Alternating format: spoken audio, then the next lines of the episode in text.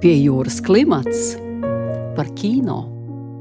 Labdien, mīļie radioklausītāji! Sākot no 8. aprīļa Latvijas kinoteātros ir skatāma Matīs Kažas jaunākā filma - satīriskā komēdija Ūdens garša. Tās centrā ir harizmātiskais meistars, kurš ar struktūrētā ūdens un iedvesmojošu tekstu palīdzību piesaista sev arvien jaunus sekotājus, paralēli nodarbojoties ar finansiālām mahinācijām. Kad meistara mācība sāk ietekmēt arī žurnālistes Katrīnas ģimeni, viņa nolemj šo organizāciju atmaskot. Filma Ūdens garš ir tapusi līdzīgā stilistikā, kā Matīs Kažas iepriekšējā filmu izrāde Kino un mēs, šoreiz šo starpžānru attīstot vēl tālāk. Filmas operators ir Aleksandrs Grebņevs, galvenajās lomās Vilis Daudziņš, Iveta Pola, Andris Keišs, Garts Lapoška un Alise Dzene. Filmas scenārijs ir tapis kopdarbā ar aktieriem mēģinājuma procesā. Filmas komponists ir Kaspars Kurdeko, mākslinieks Kaspars Kauliņš, kostīm mākslinieca Ieva Kauliņa, filmas producenti Matīs Kaža un Dace Sjatkovska. Lai pastāstītu par filmas ūdens garša tapšanas procesu, šodien studijā viesojas filmas režisors Matīs Kaža un aktieri Vils Daudziņš un Iveta Pola. Kā radās ideja filmai Ūdens garš, un kas bija tāds pirmais impulss, lai veidot šo stāstu? Patiesībā impulsi bija vairāki, bet dominējošais bija tas, ka nu, tas, ko mēs varējām novērot, ir tīpaši pēdējos divos gados, digitālajā telpā ir tā viedokļu sašķeltība un tas, ka mēs dzīvojam tajos informatīvajos burbuļos un, un gribam sekot vienam konkrētam viedokļu vilcieniņam un negribam uzklausīt tos pārējos, kas uz paralēlām sliedēm tur braukā vai pretējām. Tad tas iedvesmoja taisīt jaunu viena kadra darbu par brīvās gribas robežām, par sekošanu, par uh, arī teiksim, tā, pretēju pasaules uzskatu līdzās pastāvēšanu, un mēs gribējām to darīt teikt, ar plašāku aktieru ansambli pirmkārt, nekā mums bija kino un mēs, kas bija pirmais viena kadra darbs, un otrkārt ar jauniem radoši tehniskiem izaicinājumiem, tad teikt, citā vērienā to tehniski radošo uzstādījumu pacelt. Un tad nonācām līdz tam, ka tas darbs varētu būt par tādu ezotērisku prakšu organizāciju, kas starp citu arī nodarbojas ar ūdens struktūrēšanu un dažādu veidu ar ūdeni saistītiem rituāliem un procedūrām, kā attīrīšanās mehānismu, un ir guvusi diezgan lielu prominenci konkrētā sabiedrības daļā. Un tad jau mēs izdomājām to tēlu sistēmu, un to es piedāvāju aktieriem, un tad mēs sākām tikai tajā brīdī strādāt pie tās stāsta struktūras, kā tādā kopredzes procesa teātrī. Tas īstenībā viss notika. Varbūt jūs, Iveta Vīla, varat pastāstīt mazliet vairāk tieši kā šis scenārija kopradīšanas process notika. Nu, ļoti līdzīgi, manuprāt, kā tas arī ir noticis teātrī, vismaz manā pieredzē. Tad, kad mums ir tēma, mēs sanākam kopā un spēlējam etīdes. Ir nosprausts mērķis, ka šī ir tāda aina, kur būtu jāatklājas tam un tam, jānotiek tādam vai citādam konfliktam. Tas ir svarīgi, lai turpinātos, lai būtu kāds tiltiņš uz nākamo ainu. Un mēs mēģinām un pierakstām tekstus, kas nu tajā brīdī rodas. Un pēc tam Matīs vakarā domā, vai šādus tekstus tur var atstāt vai nevar atstāt izvērtēt, vai tie ir pietiekami labi vai nē. Notiek kaut kāda selekcija, bet tas ir tāds mēģinājumu process, kurā tiek fiksēti teksti, un beigās mēs to atkārtojam vēlreiz un vēlreiz, un vēlreiz kamēr šī aina kļūst tāda dabiska un dabiski iekļaujas kopējā plūsmā. Jā, tas tāds teātris terminoloģijā runājot, device theater princips, kopā radīšanas process, kas, es domāju, tīri no tādas aktieriskā viedokļa patiesībā ir ļoti interesants, jo tu ļoti tiešā veidā piedalies tajā radīšanas procesā, un tev ir dota liela brīvība un ietekme vistiešākajā veidā to procesu vilkt uz to vai šo pusi. Un tas dod kaut kādu citu veidu, tādu profesionālo adrenalīnu, strādājot pie šāda radošā darba. Kā jūs veicāt izpēti filmai, vai jums pašiem ir bijusi dzīvē saskara ar šādu tipu organizācijām? Nu, internets ir brīnišķīgs izziņas avots, un tur var visu atrast. Vai man pašam dzīvē ir bijis saskara ar tādiem cilvēkiem, jā, kur ir pilnīgi pārliecināti par savu taisnību un par to, ka veids, kā viņš redz pasauli, ir vienīgais pareizais, un cik nožēlojami, cik skumji ir raudzīties uz citiem, kuri to vēl nav sapratuši. Es domāju, šāda veida attieksme, piemēram, pamanīt diezgan daudziem cilvēkiem, kas īsteno vienu vai otru virzienu, ka žēl ir raudzīties uz pasauli, kura nav sapratusi. Un gribas kaut kā to pasauli iepazīstināt ar šīm pašsaprotamajām lietām, kā labāk dzīvot. Jums bija arī kaut kādi prototipi, vai kā jūs veidojāt savus tēlus? Protams, patiesībā pie jebkura materiāla strādājot, jau mēģina atrast kaut kādu iedvesmu avotu vai kaut kādu refleksiju par savu tēlu iespējamiem virzieniem. Un tad, protams, ka tu iedvesmojies no reāli biogrāfiski esošām personībām. Jā, Matīs arī piedāvāja ļoti labu kinomateriālu, ko paraudzīties uz piemēriem, kā ir kinematogrāfā attēloti dažādi harizmātiski personāļi, kuri veido lielāku vai mazāku to savu kopienu un atbalstītāju loku vai apstuļus riņķī. Tas man tā bija svarīgi. Un bija ko redzēt, un bija ko meklēt, un bija kur atrast. Kāda bija kāda no šiem piemēriem? Tur bija arī filmas, kurām nav tieši saistība ar šādu veidu organizācijām. Bija filma, piemēram, Paula Thomas Andersona filma Pludis Asins, bija viens no piemēriem. Tad bija arī filma The Master, jeb Meistars, paradoxālā kārtā. Vēl bija dažādas dokumentālās filmas un dokumentālie seriāli par kultiem, piemēram, Amerikas visādiem interesantiem. Tur bija no kā iedvesmoties. Pie jūras klimats par kino. Cik ilgs jums bija šis kopējais mēģinājuma process, vai jūs jau uzreiz sākāt strādāt ar uh, operatoru Aleksandru Grebņevu? Aleksandrs iesaistījās tajā visā aptuveni mēnesi, man liekas, pirms mēs filmējām. Bet mēs sākām ātrāk, mēs sākām materiālu taisīt aprīlī un nofilmējām mēs jūlijā beigās pagājušajā gadā. Tas ļoti intensīvais posms, kurā mēs katru dienu mēģinājām jau ar kameru uz vietas tajās abās lokācijās, abos paviljonos, tas bija kādas divas pusnedēļas, man liekas, varbūt trīs. Nenormāli karstajā jūlijā. Jā, tur bija 40 grādi, gluži ne, bet tu tā izlikās. Tas bija diezgan pārbaudījums. Fiziski vēl tā, bet izdomāt kaut ko grūtu tajā karstumā. Kaut kā tur slēdzās laukā tie mehānismi.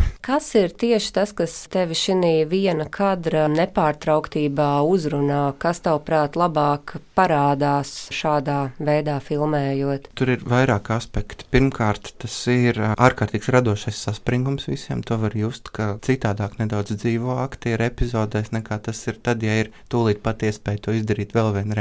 Otrakārt, tā ir tā klātesamības sajūta. Tas ir vairāk gan skatītājiem, tas, ka viņš ir tur tajā notikumā, un tas tik tiešām notiek no sākuma līdz beigām reāla laikā, nevis ar tiem tradicionālākiem kino montāžas paņēmieniem. Protams, ka tur tiek ieviests viens tāds spēles elements, ko sauc par izaicinājumu, kas arī, protams, visiem ir interesanti. Vai mēs vispār tiksim līdz galam. Mēs nekad to nezinām, kā tas viss beigsies. Un bija arī ļoti bēdīgi gadījumi, kad mēs, piemēram, minūtes desmit pirms beigām bijām spiest pārtraukt filmēšanu, jo Aleksandrs Grebņevs atkāpjoties ar kameru paklupa pār Jevgeniju Načis, kurš ir skaņu operators. Un viņš apgāzās uz grīdas tajā otrā paviljonā. Tas šoks bija tik liels, es domāju, ja tas būtu 5. vai 10. minūtē, viņš celtos kājās, mēs turpinātu filmēt vienkārši to dublu, un tas būtu kā tāds īpašs notikums tajā visā stāstā. Jo tā mēs arī runājam ka, ja viņam kaut kas tāds gadās, vienkārši turpinām, un tas ir daļa no pieredzes. Ja?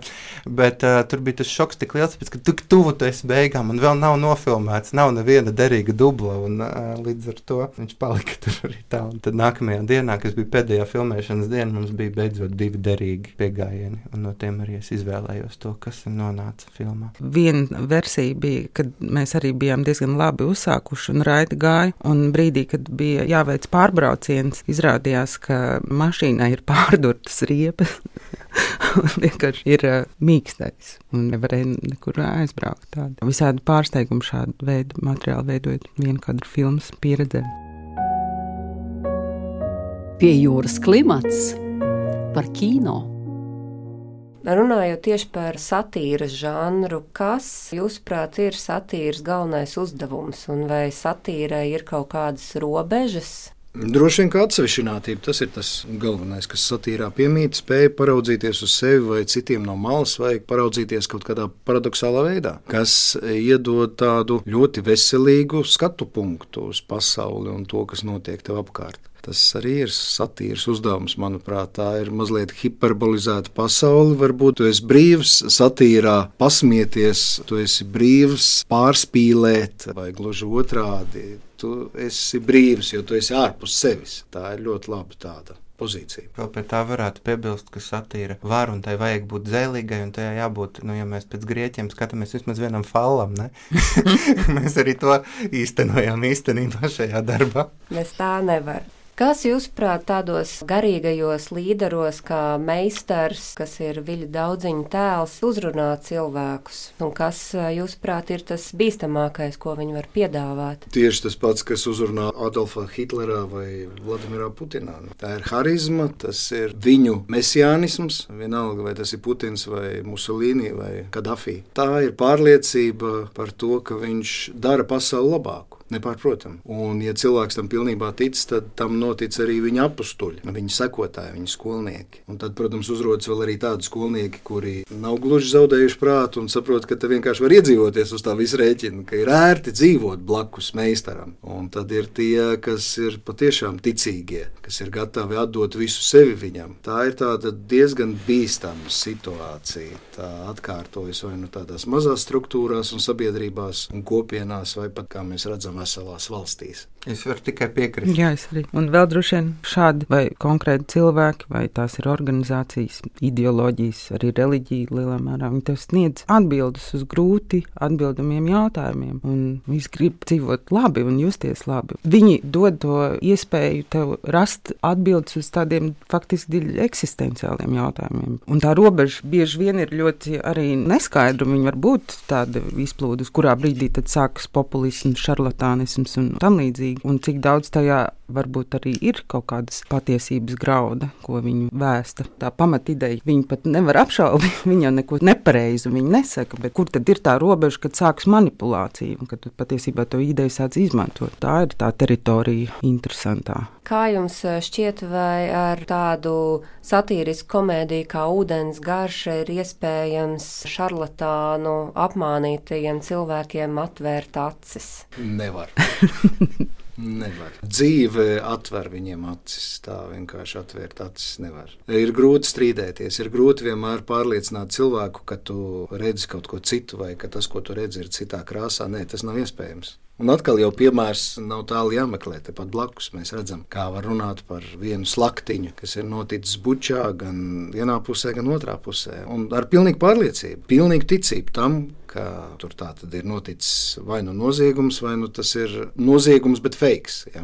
Un to nevar nekā. Tādā jocīgā laikā mēs dzīvojam, tāpēc es domāju, šī filma ir ļoti, ļoti būtiska. Kā turēt galvu skaidru, kā izdarīt kaut kādus pareizus secinājumus, kā meklēt vairākos avotos un tad tiešām neklausīt meistariem, bet klausīt sirdsapziņai vai klausīt veselajam prātam, būt kritiskam, varbūt arī ironiskam, ciniskam un tieši turēt šo atsvēršanu atsvešinātību vai spēju paraudzīties kaut kā uz šo situāciju no drona no lielāka attāluma, nevis būt ierakumos. Tā jau ir tā problēma. Kā tu ierocies, tā tavs redzes leņķis ir ļoti šaurs, un tu noteikti kļūdīsies. Tā ir, jā, un īstenībā mēs te par tādu salīdzinošu, tādu savā ziņā varbūt plakātisku, varbūt savā ziņā tādu šauru organizāciju runājam, bet man liekas, ka tie manipulācijas paņēmieni, kurus mēs parādām, īstenībā ir līdzīgi arī tajā, kas šobrīd notiek, jo tas psiholoģiskais mehānisms, uz kur iedarbojas, jau ir, man liekas, viens un tas pats. Pie jūras klimats par kino. Iveta filmā tava meita kļūst par dalībnieci šajā organizācijā. Kā tavuprāt, rīkoties tādā situācijā, ka tas ir kāds no taviem tuvajiem ģimenes locekļiem? Es nezinu, paldies Dievam, man nav tādas empiriskas pieredzes ārpus kino un ceru, ka arī nekad nebūs. Bet uh, bez šābām es domāju, ka tur ieslēdz tāds māte kareive kaut kāds tāds fails, ka tu darīsi jebko. Nu, droši vien tas ir ļoti sāpīgi arī un atkal, jā, nākas šodienas kontekstā patiesībā patiesībā es tā emocionāli es nevaru aptvert, ko tas nozīmē, ka ir radinieki, piemēram, Ukrainā, un zvanu uz Krieviju radiniekam, un tu saki, kas notiek realitātē, un tev pretī saka, ka nē, tā nav. Es nezinu, man grūti to faktiski ir iztēloties, un es ļoti ceru, ka man arī nebūs nekad tas jāiztēlojas tā realitātē, jāpiedzīvo. Droši vien, kas svarīgākais, ja tāda situācija notiek, ir neieņemt kādu galēji karojošu kategorisku pozīciju, bet visu laiku piedāvāt izskaidrot to, to vai citu lietu, ar kuru šis cilvēks ir saskāries, lūgt viņu argumentēt un atkal argumentēt, bet izvairīties no konflikta. Jā, bet es domāju, ka bieži vien tas iet kaut tas... kādā cilpā, jo visu laiku viens apgalvos vienu to pašu. Tur jābūt ļoti neatlaidīgam. Nu, tur ir jābūt neatlaidīgam, bet ja ir runa par, par uh, taviem bērniem vai taviem tuviem cilvēkiem, tad, protams, ir vērts būt neatlaidīgam. Tā sākt karot ir baigi riskanti, jo uzreiz tiek nogriezt visi iespējamie kontakti turpmākie. Tas cilvēks saka, tevis manā dzīvē vairs nav. Ja tu tā, tad tevis vairs nav. Tā ir ļoti svarīgi nenonākt līdz kaut kam tādam. Kas ir šis visinteresantākais, veidojot filmu izrādi, kas ir šī žanra, teiksim, tā bonusi? Es godīgi sakot, neesmu pilnīgi pārliecināts, ka tur ir tik daudz jau no to bonusu. Es godīgi sakot, domāju, ka, ja kino ir izdomājis tādu brīnišķīgu lietu kā montāža un iespēju vairākas reizes nofilmēt, un, piemēram, nepārteikties katrā, tad to vajag izmantot. Bet, redz, Matīs piedāvā citu ceļu. Nokoncentrēties visam šim garajam gabalam, nu, protams, mēs to darām. Bet ir tik šausmīgi, tik šausmīgi izdarīt kaut ko nepareizi un kaut kā kļūdīties, jo tu saproti, ka tas paliks un tas ietekmē arī nākamo ainu un aiznākamo ainu un kopumā visu. Kamēr tādā ierastā veidā, veidotā filmā, mēs, protams, to varētu pārfilmēt un uztaisīt ideālas ainas, vienu pēc otras, vienu pēc otras, vienu pēc otras, samontēt un būtu lūk filma. Un tad, protams, man vēl ir liels jautājums, vai visi skatītāji maz saprot, kur tur slēpjas tā eleganta mans un tas asums kadra nepārtrauktībā. Jo es domāju, ka viņus aizraus izžets, viņi sāks sekot līdzi filmai, un es domāju, ka lielākā daļa nepamana to, ka nekādas montāžas nav. Citiem vārdiem sakot, kā tev pašam šķiet, tas ir to vērts vai nav? Tas ir mans jautājums tev, Matīs. Pirmkārt, par to montāžu. Es domāju, ka montāža nekur nepazudīs, un būs vēl citas filmas, kurā tā tiks visādos interesantos veidos izmantot. Bet tas ir tas upuris, vai ne? Nu, ne upuris, bet tās ir tās sekas tam viena kadra principu lietojumam, kā notiek kaut kas neparedzēts, ka notiek kaut kāda kļūme, un ka vairs nav tāda tiekšanās pēc kaut kādas tādas noslīpētības un perfekcijas, jo mēs jau no sākuma saprotam, ka tas nav iespējams, ka noteikti kaut kādā brīdī kaut kas noies greizi. Pat salīdzinoši tādā ļoti noslīpētā vienkadra filmā, kas ir Viktorija, pat viņi pieļāva kļūdu, ka viņi vienā krustojumā nogriezās nepareizi un iebrauca tur, kur ir filmēšanas grupas automašīnas, un tad mēģināja kaut kā improvizējot tikt no turienes ārā, un tieši tas ir dubls, kas tika izmantots kā filma, ja? kas ir milzīga kļūda tā teorētiski salīdzinot ar to, ka mums tur kāds pārsakās. Bet, pat viņi izbrauc ārā no tās situācijas, un tas parastais skatītājs to tā nejūt. Un par to skatītāju pieredzi es domāju, ka katrai filmai, protams, var līdzīgu kaut ko nu, nepārmest, bet to var apgalvot par jebkuru filmu, kas izmanto kaut kādas netradicionālākas izteiksmes līdzekļus, ka pēc skatītājiem taču interesē stāsts. Tas ir tas galvenais, kam skatītājs pieķersies. Un lielā mērā es tam piekrītu, tāpēc nevarētu izmantot to vienu kādu tā galīgi pašmērķīgi. Tur ir jābūt tomēr arī tam stāstam vai kaut kādam tādai nepareizībai, neparedzamībai un citiem elementiem, kas to skatītāju piesaista emocionālajām līnijām. Bet no otras puses, protams, ka to imersivitāti vai nu apzināsies vai neapzināsies, bet skatītājs izjutīs to, ka tas viss ir reāli laikā. Jo citādāk bišķiņu uztvers tas laiks, kad tādā veidā skatās materiālu, bez tās montāžas, gribot, negribot. Tā kā es domāju, ka noteikti tev ir taisnība, ka liela daļa skatītāju varbūt tam nepievērsīs uzmanību tik lielā mērā, bet uh, tas ir attiecināms par jebkuru citu formālu paņēmienu, ko izmanto. Ka galvenais tas āķis būs tomēr tas stāsts un vēstījums un emocionālā līnija, ja mēs runājam tā vispārīgi par kaut kādu abstraktu skatītāju, kāds arī īstenībā nemaz neeksistē. Jā, jo droši vien tā vērtība slēpjas arī tajā, ka lūk, tas, kā mēs kā aktieri, visi filmas veidotāji ietekmējam viens otru, tas veido šo filmu, bet reizē tā ir arī tāda alegorija tam, kas notiek filmā pašā, par ko tad ir filma, kā mēs ietekmējam viens otru, proti kā iepriekšējā aina, iepriekšējie notikumi, kā ūdens iepriekšējā ainā ietekmē ūdeni nākamajā ainā. Līdz ar to tas arī iegūst tādu poētisku nozīmi nozīmi. Lūk, šī turpināšanās, pārliešanās no vienas krūzītes nākamajā, no vienas nākamajā. Mūsu gadījumā mēs jau tieši akcentējam to konstruētību tam visam, gan tajā, kā tā scenogrāfija ir izveidota ļoti nosacīta, tādā, nu, gan arī dogvīlas virzienā, ja, kur ir kaut kādi elementi, kas reprezentē konkrēto vietu, kurā tai darbībai būtu jānotiek. Gan arī tur klapīti parādās šad tad, un mēs atklājam to, ka mēs filmējam, un kaut kādā brīdī aktieri saka, viņš viņu protestēt pret to, ka viņi tēlu, un tur galīgi nevar nevajadzētu būt tajā epizodē. Un tādas lietas tur notiek. Tā kā šādā stilā strādājot, tad noslīpētība, ja, un tāda tīrība būtu pat īstenībā varbūt nevēlama. Jo kur tas rakstīts, ka visiem mākslas darbiem jābūt tīriem un ka kļūda nevar būt mākslas darba sastāvdaļa, piemēram, un pat interesanta sastāvdaļa kaut kādā ziņā. Ja tā ir apzināta. nu, arī neapzināti. Paņēmieni. Arī neapzināti Kļūda kļūda var būt interesanta, kā piemēram tajā Viktorijā. Jo tajā brīdī, kad viņi izdarīja to kļūdu, tu jau redzi, ka tie aktieri, ka tur tas saspringums, ne? tā ir cita klātesamība, un tas saspringums ir absolūti citā līmenī. Tur tajā epizodē, kad viņi nogriežās nepareizi un iebrauc pie filmēšanas grupas, viņi tur mēģina izbraukt, tad atpakaļ gaitā kaut kā. Jā, es vēl varbūt aši varu piebilst, ka man šī bija pirmā un vienīgā pieredze filmējoties vienkadru filmā, un kaut kādā ziņā to tomēr var saukt par tādu starpžānru, un tas ir kaut kas starp teātri, starp izrādes to mērogu, jo, teiksim, ierasti filmējoties kino tā epizode, tas ir tā kā tāda īsā distance sprints, tad šī, tomēr tie nav 200 metri, tie ir Maratons, jā. kilom- maratons ir jānoskrien, un tā ir cita veida koncentrēšanās, un, protams, tu tā kā tāds dzīvnieks, plēsējs, es vienmēr, ka tev jābūt vienmēr gatavam, tu nevari atslābt, pat ja tev nav šī te konkrēta aina, kāds cits spēlē tajā brīdī, tu nevari apsēsties un iedzert kafiju, uzpīpēt, kamēr pārējie strādā. Nu, respektīvi, tā ir cita veida pilnīgi koncentrēšanās. Un tas eh, profesionālā ziņā un aktieriski, protams, bija arī viens no interesantākajiem aspektiem. Protams, ir arī izrādes, kur tu visu laiku esi uz skatuves. Tā ir līdzīga situācija. Piemēram, vēstures izpētes komisijā mēs nekur neaizējām. Mēs tur esam. Mēs vadām skatītāju uzmanību, un šeit arī līdzīgi tiek vadīta skatītāju uzmanība. Visu laiku mēs aicinām, aicinām, aicinām un rādām, tagad skatoties, lūk, tur. Paši pamūkam malā, pārģērbamies, aizrāpojam apkārt un esam jau citā pusē un sagaidām, ka skatītāji jau no citas puses jau sapnī vai vēl kaut kādā citā veidā. Jā, jā. Paldies jums par sarunu! Paldies! Paldies! Tev.